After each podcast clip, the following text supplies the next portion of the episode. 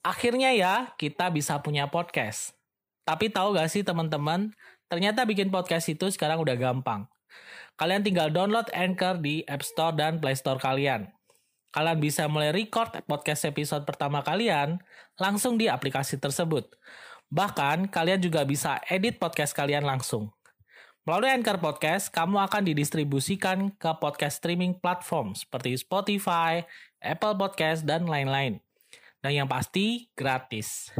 Yuk download aplikasi Anchor di App Store dan Play Store kalian atau kunjungi www.anchor.fm. Selamat bikin podcast! Halo semuanya, salam sejahtera ya. Kembali lagi ditanyakan dokter. Halo semuanya, salam sejahtera. Siapa dari Anda yang sering bingung pas habis kontrol kehamilan, mungkin habis USG ke dokter kandungan, bingung mau nanya apa? Paling-paling yang ditanyain cuman gimana kondisinya. Dan jawaban dokternya paling ya sehat, normal. Syukur-syukur ada dokter yang jelasin secara detail, habis diperiksa USG dijelasin semua.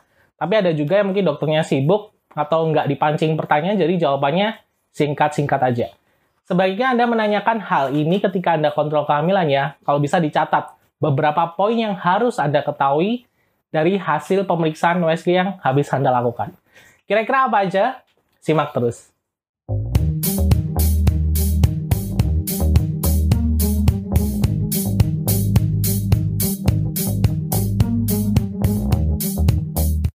Eits, jangan di skip dulu videonya. Sebelum kita lanjutkan pembahasan pada video kali ini, saya mau nanya nih, siapa dari Anda yang mungkin punya masalah pada program hamil? Sudah sekian mencoba untuk hamil tapi nggak berhasil juga? Atau mungkin bagi Anda yang pasangan baru menikah, ingin segera punya momongan? Saya punya solusinya buat Anda. Pernah dengar nggak madu untuk program hamil? Ya, seperti di sebelah saya ini ada madu amil. Madu yang bisa menyuburkan kandungan untuk wanita dan juga bisa meningkatkan kualitas sperma untuk laki-laki. Ya, madu amil ini adalah madu program hamil nomor satu di Indonesia. Sudah membantu beberapa pasangan untuk bisa hamil. Pernah juga disarankan oleh Dr. Boyke, spesialis kandungan, dan juga pernah direview di beberapa media TV seperti Jack TV, Liputan 6, dan beberapa lainnya. Nah, madu amil ini terbuat dari madu hutan murni, artinya benar-benar madu asli yang memiliki manfaat baik. Pada wanita bisa membantu menyuburkan kandungan, menguatkan kandungan, bisa mengoptimalkan fungsi dari rahimnya, bisa meningkatkan sel telur dan juga indung telurnya. Yang penting banget untuk proses kehamilan.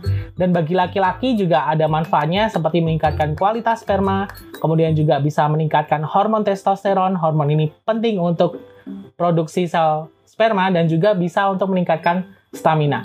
Ada dua variannya ya, yaitu untuk laki-laki madu amil berwarna biru dan juga ada madu amil untuk wanita berwarna merah. Cara konsumsinya gampang banget. Untuk madu amil yang laki-laki bisa dikonsumsi 1-2 sendok makan saat bangun tidur dan satu jam sebelum tidur. Artinya dikonsumsi dua kali sehari. Dan untuk yang wanita bisa dikonsumsi 2 sendok makan pada pagi dan juga malam hari setengah jam sebelum atau sesudah Anda makan. Bisa dicampurkan dengan 200 ml air putih diaduk kemudian diminum. Untuk keamanan, madu amil ini sudah terdaftar pada Badan POM, artinya kualitas dan keamanannya sudah terjamin. Dan bagi Anda yang muslim juga sudah ada label halalnya, jadi kalau mau konsumsi juga nggak apa-apa. Buat Anda yang ingin merasakan manfaat baik dari madu amil ini, saya sertakan link untuk pembelian di kolom deskripsi. Atau Anda bisa kunjungi langsung Instagramnya madu underscore amil. Atau bisa juga chat melalui WA seperti pada nomor yang saya sertakan di kolom deskripsi. Yuk, kita mulai ketika Anda kontrol kehamilan pertama kali. Misalkan Anda habis tes pack, kemudian ketemu hasilnya positif, tentunya Anda periksa dong ke bidan atau ke dokter kandungan. Setidaknya pada kondisinya Anda pernah USG untuk memastikan kondisi kehamilannya beneran hamil atau enggak, karena kadang-kadang tes pack juga bisa salah. Pertama yang harus Anda ketahui adalah kehamilan saya ini beneran hamil atau enggak. Maksudnya ada kantung kehamilan, ada bakal janinnya atau enggak. Ini penting ya, Terutama ketika kehamilan Anda sudah masuk 5 atau 6 minggu ke atas, habis tes pack nih, kemudian beberapa minggu berikutnya Anda OSG, Anda harus nanyakan hal ini ketika di OSG. Setidaknya itu menandakan bahwa kehamilan Anda beneran hamil, beneran ada janinnya. Minimal sudah ada kantong janinnya, atau lebih baik lagi kalau sudah ada bakal janinnya dan ada detak jantungnya, yang menandakan bahwa kehamilan Anda berkembang dan juga hidup. Ada beberapa kasus di mana kehamilan tidak disertai adanya bakal janin, atau mungkin hanya berupa kantung aja, yang kita biasa bilang hamil kosong. Akhirnya ya, kita bisa punya podcast. Tapi tahu gak sih teman-teman, ternyata bikin podcast itu sekarang udah gampang. Kalian tinggal download Anchor di App Store dan Play Store kalian. Kalian bisa mulai record podcast episode pertama kalian langsung di aplikasi tersebut. Bahkan, kalian juga bisa edit podcast kalian langsung. Melalui Anchor Podcast, kamu akan didistribusikan ke podcast streaming platform seperti Spotify, Apple Podcast, dan lain-lain. Dan yang pasti, gratis. Yuk download aplikasi Anchor di App Store dan Play Store kalian atau kunjungi www.anchor.fm. Selamat bikin podcast. Atau juga ada hamil anggur yang tidak kelihatan ada bakal janinnya di sana. Makanya ini penting pada WSG pertama kali saat Anda baru tes pack positif kemudian Anda periksa, Tanyakan hal ini untuk memastikan beneran Anda hamil atau enggak dan hamilnya berkembang atau enggak. Kemudian kedua adalah, ini juga sama di awal, Anda harus nanyakan kehamilan saya di dalam rahim atau di luar rahim. Ini penting juga, Bu. Karena ada beberapa kondisi di mana ya beneran hamil, cuman bakal janinnya ini nggak nempel di dalam rahim, tapi di luar rahim. Atau biasa kita bilang ektopik, ini juga tentunya bahaya juga. Perlu dilakukan tindakan segera, karena kalau dibiarkan cukup mengancam nyawa ibunya. Makanya ini juga perlu Anda tanyakan pas pertama kali kontrol USG. Nah, kemudian USG kedua, mungkin di trimester kedua Anda lakukan ya. Ini ada beberapa hal yang harus Anda ketahui setelah dilakukan pemeriksaan USG. Yang pertama adalah, apakah usia kehamilannya sesuai dengan hitungan dokter? Karena ada beberapa kondisi di mana kehamilan yang lambat berkembangnya atau mungkin tidak berkembang, kesannya usia kehamilannya lebih kecil daripada seharusnya. Kemudian juga ukuran. Ukuran dalam hal ini adalah panjang dan juga berat janinnya. Apakah sesuai dengan usia kehamilan? Ini penting banget. Karena kalau misalkan ada keterlambatan, ini harus dicari tahu penyebabnya dan kalau bisa dikejar apakah bisa dipertahankan atau enggak kehamilannya. Kemudian memasuki trimester kedua di usia kehamilan mungkin 16 minggu ke atas, ari-ari ini sudah kelihatan atau plasenta. Ini penting Anda tanyakan gimana kondisi plasenta atau ari-arinya. Yang paling penting adalah lokasi plasentanya. Gimana nih dok, ari-ari saya nempel?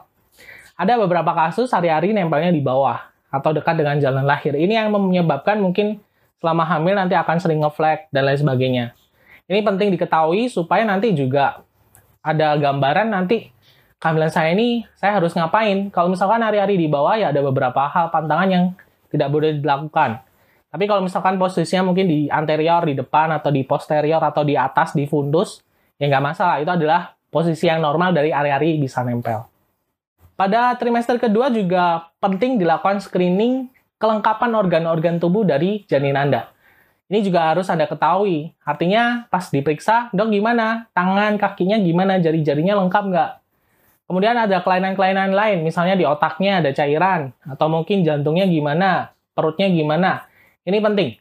Screening dari USG ini juga wajib sebenarnya dilakukan sebagai melihat untuk mendeteksi apakah ada kelainan yang lebih dini untuk bisa diketahui. Makanya ini penting juga Anda tanyakan organ-organ kelengkapannya gimana, bertumbuh dengan baik atau enggak. Tidak lupa juga pada saat USG tanyakan kondisi ketubannya sedikit, cukup, atau berlebihan, kemudian bening atau keruh, ini penting Anda tanyakan. Karena kalau ketubannya keruh atau mungkin jumlahnya sedikit atau terlalu banyak, ini artinya nggak normal. Harus ada intervensi khusus. Kayaknya Anda perlu tanyakan juga, gimana ketubannya dok? Cukup nggak? Seperti itu. Kemudian masuk di usia kehamilannya lebih besar lagi, mungkin 7 bulan ke atas. Hal yang harus Anda ketahui adalah posisi bayinya gimana. Sungsangkah, melintang, atau mungkin kepalanya udah di bawah.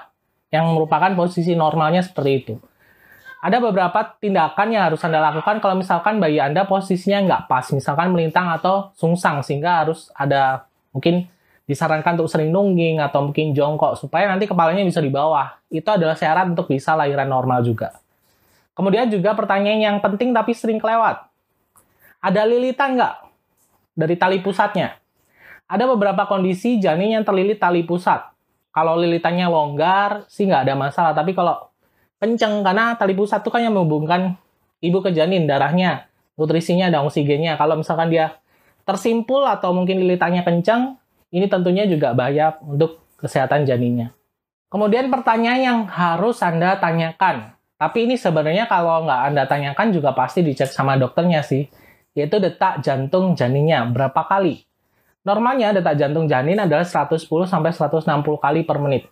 Kalau misalkan kurang dari itu atau lebih dari itu ya cukup waspada juga. Ini penting Anda ketahui, tapi kalaupun Anda nggak tanyakan biasanya ada di catatan hasil USG. Oke, kurang lebih itu ya harus Anda ketahui pas Anda habis periksa. Minimal saat Anda USG harus tahu itu beberapa poin yang setidaknya harus terjawab ya. Nggak cuman ya sehat, normal aja, tapi harus ada penjelasan detail.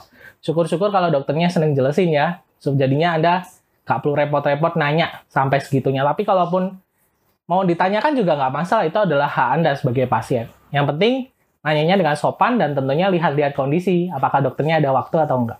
Oke, sekian penjelasannya. Semoga bermanfaat. Sampai ketemu lagi.